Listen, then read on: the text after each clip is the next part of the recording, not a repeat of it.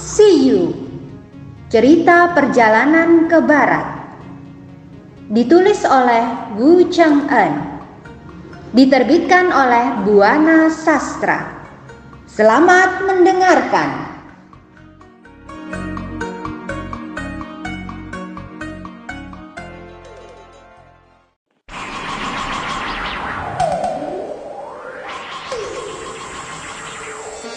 Bab 61 Rombongan Tang Sanchang tiba di Gunung Api. Sun Wukong meminjam kipas Luo Shanu. Berbulan-bulan telah berlalu. Musim pun berganti secara bergilir, sedang sang waktu bergerak cepat bagi anak panah yang lepas dari busurnya. Sesudah musim panas, datang pula musim ketiga. Pada musim ini banyak turun salju, namun demikian mereka berjalan terus. Suatu hari, Tan Shang Chang dan rombongannya kebingungan sebab udara yang tadinya dingin tiba-tiba terasa panas. Makin lama udara di sekitar mereka terasa makin panas.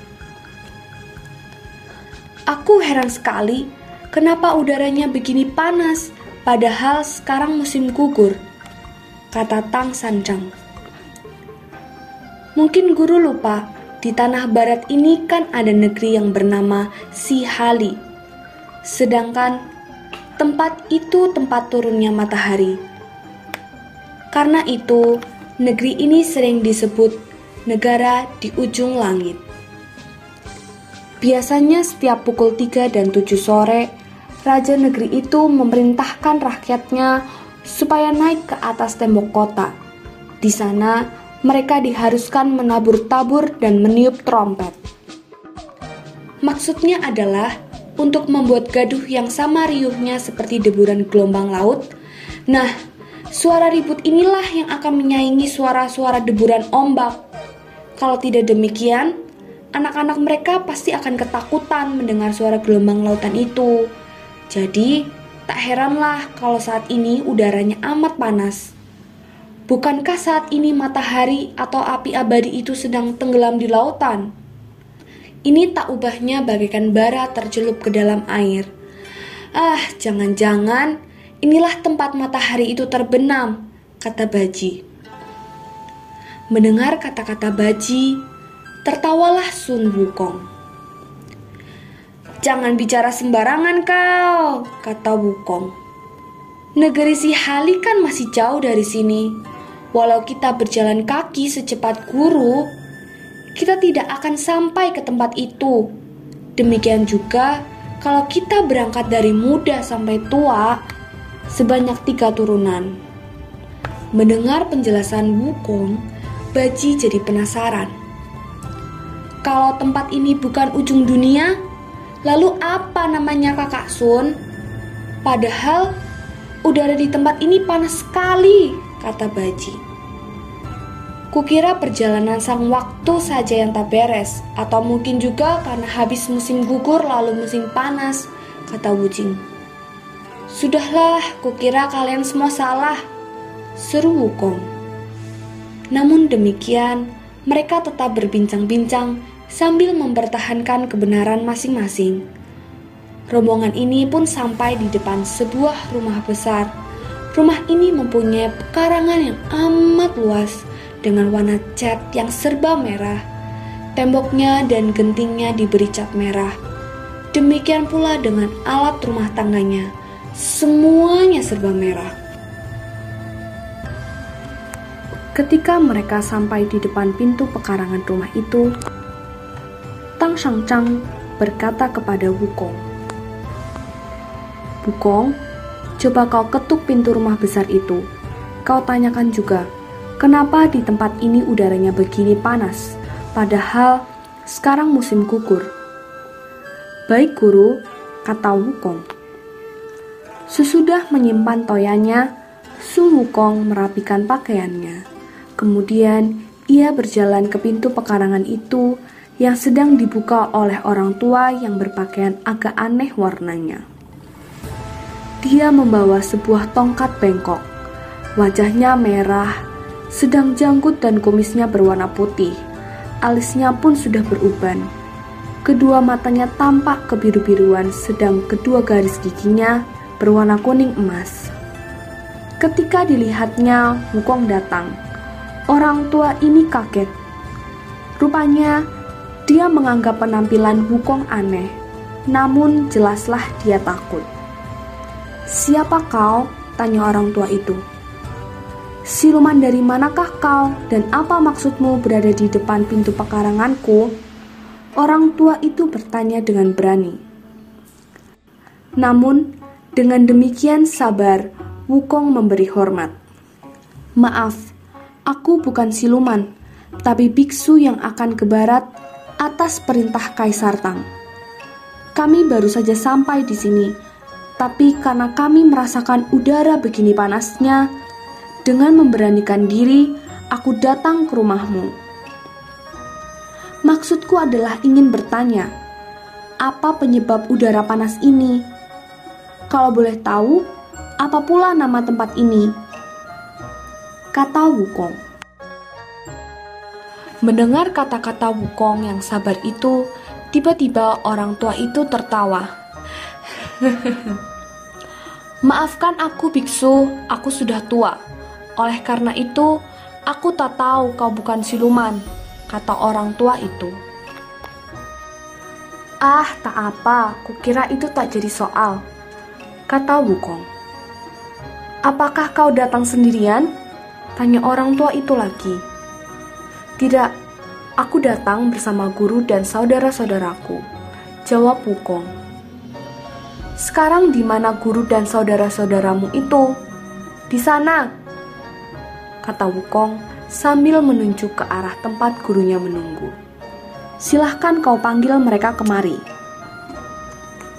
Sun Wukong segera memanggil gurunya maka, tak berapa lama, guru dan saudara-saudaranya sudah datang ke rumah besar itu. Mereka lalu memberi hormat pada orang tua itu. Ketika orang tua itu menyaksikan kecakapan Tang Shangchang, dia merasa kagum. Namun, ketika dia melihat wajah Bajie dan Wujing, orang tua itu terkejut. Namun demikian, orang tua itu tetap menyilahkan mereka masuk ke rumahnya. Sesudah dipersilahkan duduk, mereka disuguhi teh hangat dan makanan. Terima kasih tuan, jangan merepotkan, kata Shancang. Tidak apa, kata orang tua itu.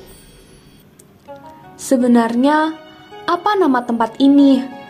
Tanya Shancang. Daerah ini disebut gunung api, sedang di tempat ini tak mengenal musim. Karena itu, hampir sepanjang tahun keadaannya panas seperti ini, kata si orang tua. Kalau tempat ini gunung api, lalu di mana letak gunung itu? Tanya Sun Wukong. Gunung itu berada 60 li dari sini, sedangkan besarnya gunung ini atau luasnya sekitar 800 li persegi. Gunung itu berada tepat di tengah jalan menuju ke arah barat. Gunung itu adalah penghalang bagi siapa pun yang akan pergi ke barat. Di tempat ini, apa pun tak bisa tumbuh. Semua kering kerontang. Aku kira jika ada orang yang kepalanya terbuat dari besi ataupun tembaga, pasti batok kepalanya akan lumer, kata si orang tua. Setelah mendengar penjelasan dari tuan rumah, Tang Shangchang kaget dan cemas sekali. Sebab jika memang keadaannya demikian, bagaimana mereka bisa melalui gunung api? Saat mereka berbincang-bincang, tiba-tiba terlihat seorang pemuda yang sedang mendorong gerobak berwarna merah. Ternyata pemuda pendorong gerobak itu adalah seorang penjajah kue. Pemuda itu menghentikan gerobaknya tepat di depan pintu pagar rumah besar yang serba merah itu. Kemudian terdengarlah teriakan si pemuda yang menjajankan kuenya. Sun Wukong segera mencabut selembar bulunya, lalu diciptakannya jadi uang. Sesudah itu, si kera sakti menghampiri tukang kue itu. Begitu Wukong menyerahkan uangnya, pemuda itu segera membuka tutup kereta itu. Kemudian diambilnya sepotong kue dan dibungkusnya kue yang masih panas itu. Dia segera menyerahkan kue itu pada Wukong. Karena kue itu masih panas, asapnya masih mengepul. Begitu Wukong menyambut buntalan kue itu, dirasakannya kue itu panas bagaikan bara. Untuk mengurangi rasa panas, terpaksa Wukong berulang kali memindah-mindahkan bantalan kue itu. Sebentar ke tangan kanan, sebentar lagi ke tangan kirinya. Sedangkan mulut si kera tak henti-hentinya berteriak-teriak. Aduh, aduh panas, teriak Wukong. Wah, kue ini ternyata sukar untuk dimakan. Melihat tingkah Sum Wukong yang dianggap lucu, pemuda itu tertawa.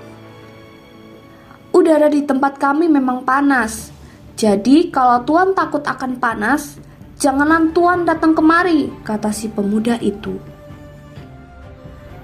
Tapi bukan udaranya saja yang panas, kue ini pun panas sekali, kata Wukong. Wah, kalau daerahnya begini panas, mana mungkin kita bisa bercocok tanam?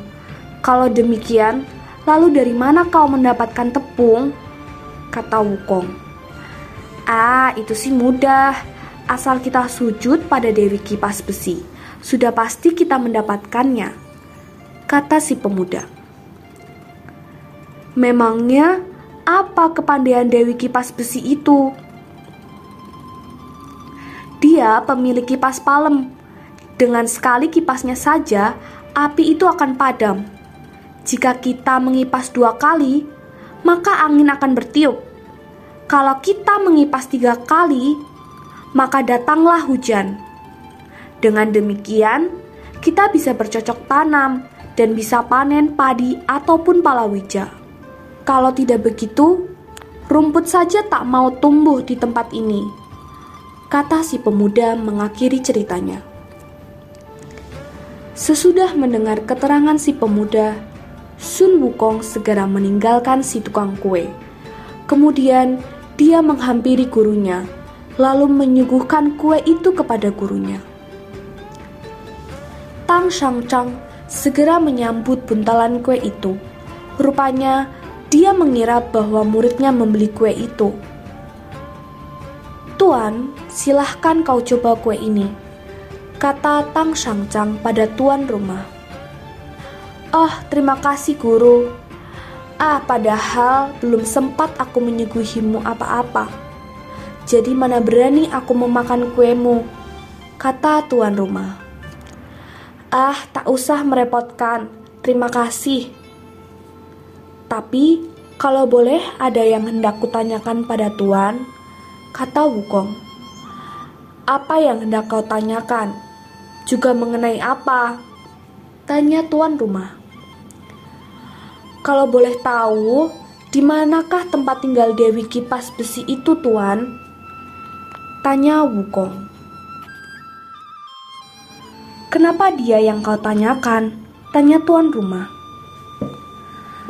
Tadi ketika aku berbincang-bincang dengan tukang kue itu, dia bilang, Dewi itu memiliki sebuah kipas ajaib bernama kipas palem. Jadi, aku ingin tahu apakah benar begitu, kata Wukong.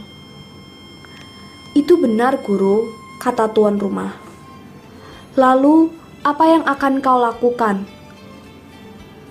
Aku bermaksud meminjam kipas itu, kata Wukong. Untuk apa kau pinjam kipas itu, guru? Tentu saja untuk mengipasi gunung api. Jika aku berhasil, bukankah kalian bisa hidup bahagia? Selain itu, kalian pun bisa bercocok tanam dengan teratur, kata Wukong. Kau benar, guru, tapi kurasa tak mudah meminjamnya. Sebab kalau kita tak mempunyai barang antaran yang istimewa, kita sulit mengundang Dewi itu, apalagi untuk meminjam kipasnya, kata si tuan rumah. Memangnya dia minta diantari barang apa? Tanya Shancang yang timbul harapannya. Dalam 10 tahun sekali, biasanya kami mengantar empat ekor babi, empat ekor kambing, ayam, angsa dan buah-buahan serta arak. Sebelum mengantar barang-barang itu, kami pun diwajibkan membersihkan diri. Maksudnya, kita harus suci dan hormat ketika memohon padanya. Kalau semua itu kita laksanakan, barulah dia mau keluar dari guanya dan bersedia membantu, kata si tuan rumah. Kalau aku boleh tahu, di manakah letak tempat tinggalnya? Seberapa jauhnya tempat itu dari sini? Apa nama tempat itu? Tanya Wukong beruntun. Gunung itu terletak di barat laut, sedang nama tempat itu Gunung Awan Hijau. Nama gua itu Gua Isian. Kalau kami pergi ke sana, biasanya makan waktu dua bulan lamanya untuk pulang dan pergi sedangkan jarak dari sini kurang lebih 1460 li, kata tuan rumah. Mendengar keterangan tuan rumah, Wukong pun tertawa. Ahaha, ah kalau begitu tak terlalu jauh jaraknya. Aku bisa kembali dengan cepat, kata Wukong. Tunggu dulu, lebih baik kau makan dulu. Selain itu, Kurasa kau juga memerlukan bekal untuk perjalanan yang jauh itu. Aku khawatir kau tak akan sampai dalam satu hari, apalagi hutan-hutannya banyak harimau, kata tuan rumah. Namun demikian, Sun Wukong tetap tertawa. tak usah sebab aku akan pergi sekarang juga. Percayalah, aku pergi tak akan lama, kata Sun Wukong. Sesudah itu, Sun Wukong segera melompat ke angsa, lalu dia terbang hingga akhirnya tak tampak lagi. Menyaksikan kejadian itu, betapa herannya orang tua itu. Ah, kiranya dia seorang dewa, kata si orang tua. Setelah menyaksikan kejadian itu, si tuan rumah semakin menaruh hormat pada tamu-tamunya. Sementara itu, Dikisahkan Sun Wukong yang pergi ke Gunung Awan Hijau, akhirnya sampai dengan cepat. Setiba di sana, dengan cepat dicarinya Gua Isyan. Sesudah ketemu, ia langsung turun. Saat itu, ia melihat seorang tukang kayu sedang mencari kayu. Wukong segera menghampirinya. Tukang kayu itu sedang memotong kayu sambil bernyanyi-nyanyi. Melihat kedatangan Wukong, tukang kayu itu kaget. Namun, cepat-cepat Wukong memberi hormat yang dibalas oleh tukang kayu itu. Guru mau ke mana? Tanya si tukang kayu. Aku ingin bertanya, benarkah ini gunung awan hijau? Benar sekali, jawab si tukang kayu. Terima kasih. Tahukah kau di mana tempat tinggal Dewi Kipas Besi? Tanya Sun Wukong. Ini memang gua, gua Ishen. Tapi kukira Dewi Kipas Besi tak ada di sana. Kata tukang kayu itu sambil tertawa. Benarkah? Tapi menurut apa yang ku dengar, dia ada di sini. Barangkali bukan Dewi Kipas Besi, tapi Putri Kipas Besi Putri kipas besi disebut juga Luo Shanu, kata si tukang kayu menerangkan. Dia pemilik kipas yang bisa dipakai untuk memadamkan api. Benar, benar sekali. Beliau pula lah pelindung penduduk sekitar sini. Orang-orang di sebelah sana memang memanggilnya Dewi Kipas Besi karena mereka membutuhkannya. Kami yang tak membutuhkan dia memanggilnya Luo Shanu. Sebenarnya, dia istri Raja Kerbau, kata si tukang kayu lagi. Mendengar keterangan tukang kayu itu, akhirnya Sun Wukong berpikir, Ah, kalau begitu dia musuhku, sebab Hong Hai Er anaknya. Dahulu pun ketika aku bertemu dengan pamannya, Saat itu dia begitu gusar padaku. Bahkan dia mengatakan bahwa Raja Kerbau akan membalas dendam padaku. Sekarang yang kutemui ibunya, jadi mana mungkin ibunya mau meminjamkan kipas wasiatnya. Ketika dilihatnya, Sun Wukong termenung saja. Si tukang kayu segera menegurnya. Tuan, kenapa kau kelihatan berduka? Lebih baik kau jalan saja dari sini ke arah timur. Nanti tak sampai lima li, kau akan sampai ke sana kata si tukang kayu. Ketika Sun Wukong mendengar kata-kata tukang kayu itu, dengan terpaksa dan singkat ia menjelaskan permusuhannya dengan pihak Raja Kerbau. Karena itu aku khawatir Luo Shanu tak akan mau meminjamkan kipasnya, kata Wukong. Ah, kenapa Tuan harus bersusah hati? Lebih baik kau coba ke sana untuk bertemu dengan dia. Setiba kau di sana, lalu kau pinjam kipasnya. Tapi ingat, jangan sesekali kau ceritakan soal yang sudah lalu. Kalau dia bertanya mengenai soal itu, lebih baik kau pungkiri saja. Kata si tukang kayu menasehati keras sakti. Kau benar juga, kata Wukong Terima kasih atas nasihatmu. Sesudah pamit kepada tukang kayu itu, Sun Wukong segera berjalan ke arah timur. Tak lama ia sampai di depan gua yang pintunya tertutup. Sebelum masuk, Sun Wukong mengawasi sekelilingnya. Dia amat kagum melihat pemandangan yang sangat indah di tempat itu. Kemudian, tanpa memperhatikan terlalu dalam lagi, Wukong mulai mengetuk pintu gua. Tolong bukakan pintu. Aku Sun Wukong, ingin bertemu denganmu. Tak lama kemudian, pintu gua itu dibuka oleh seorang pelayan perempuan. Perempuan itu menjinjing ayakan bunga.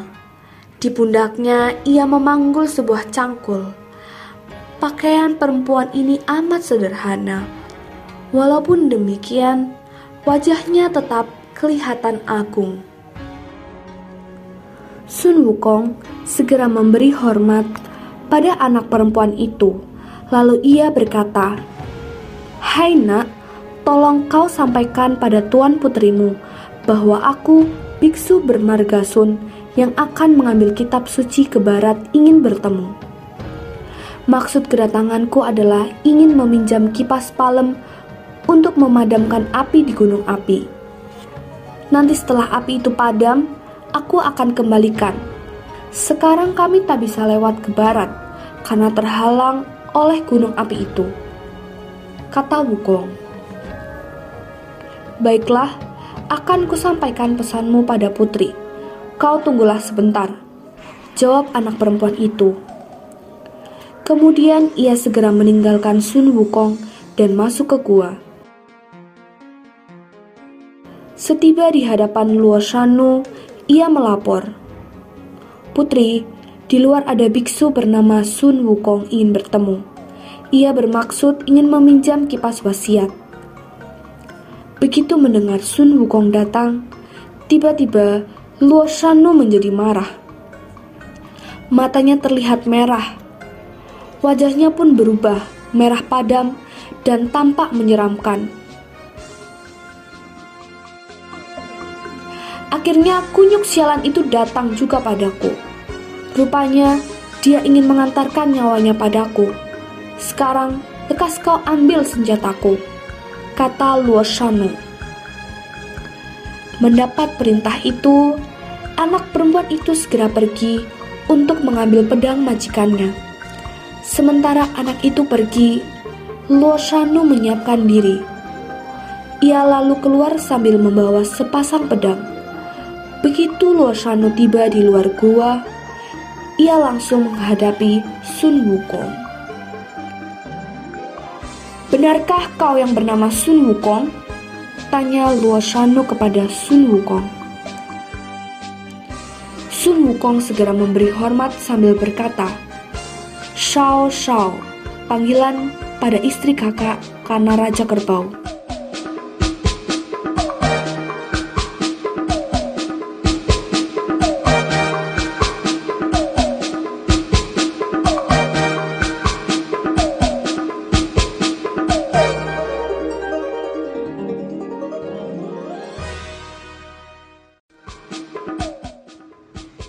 Dengarkan kisah selanjutnya. Terima kasih.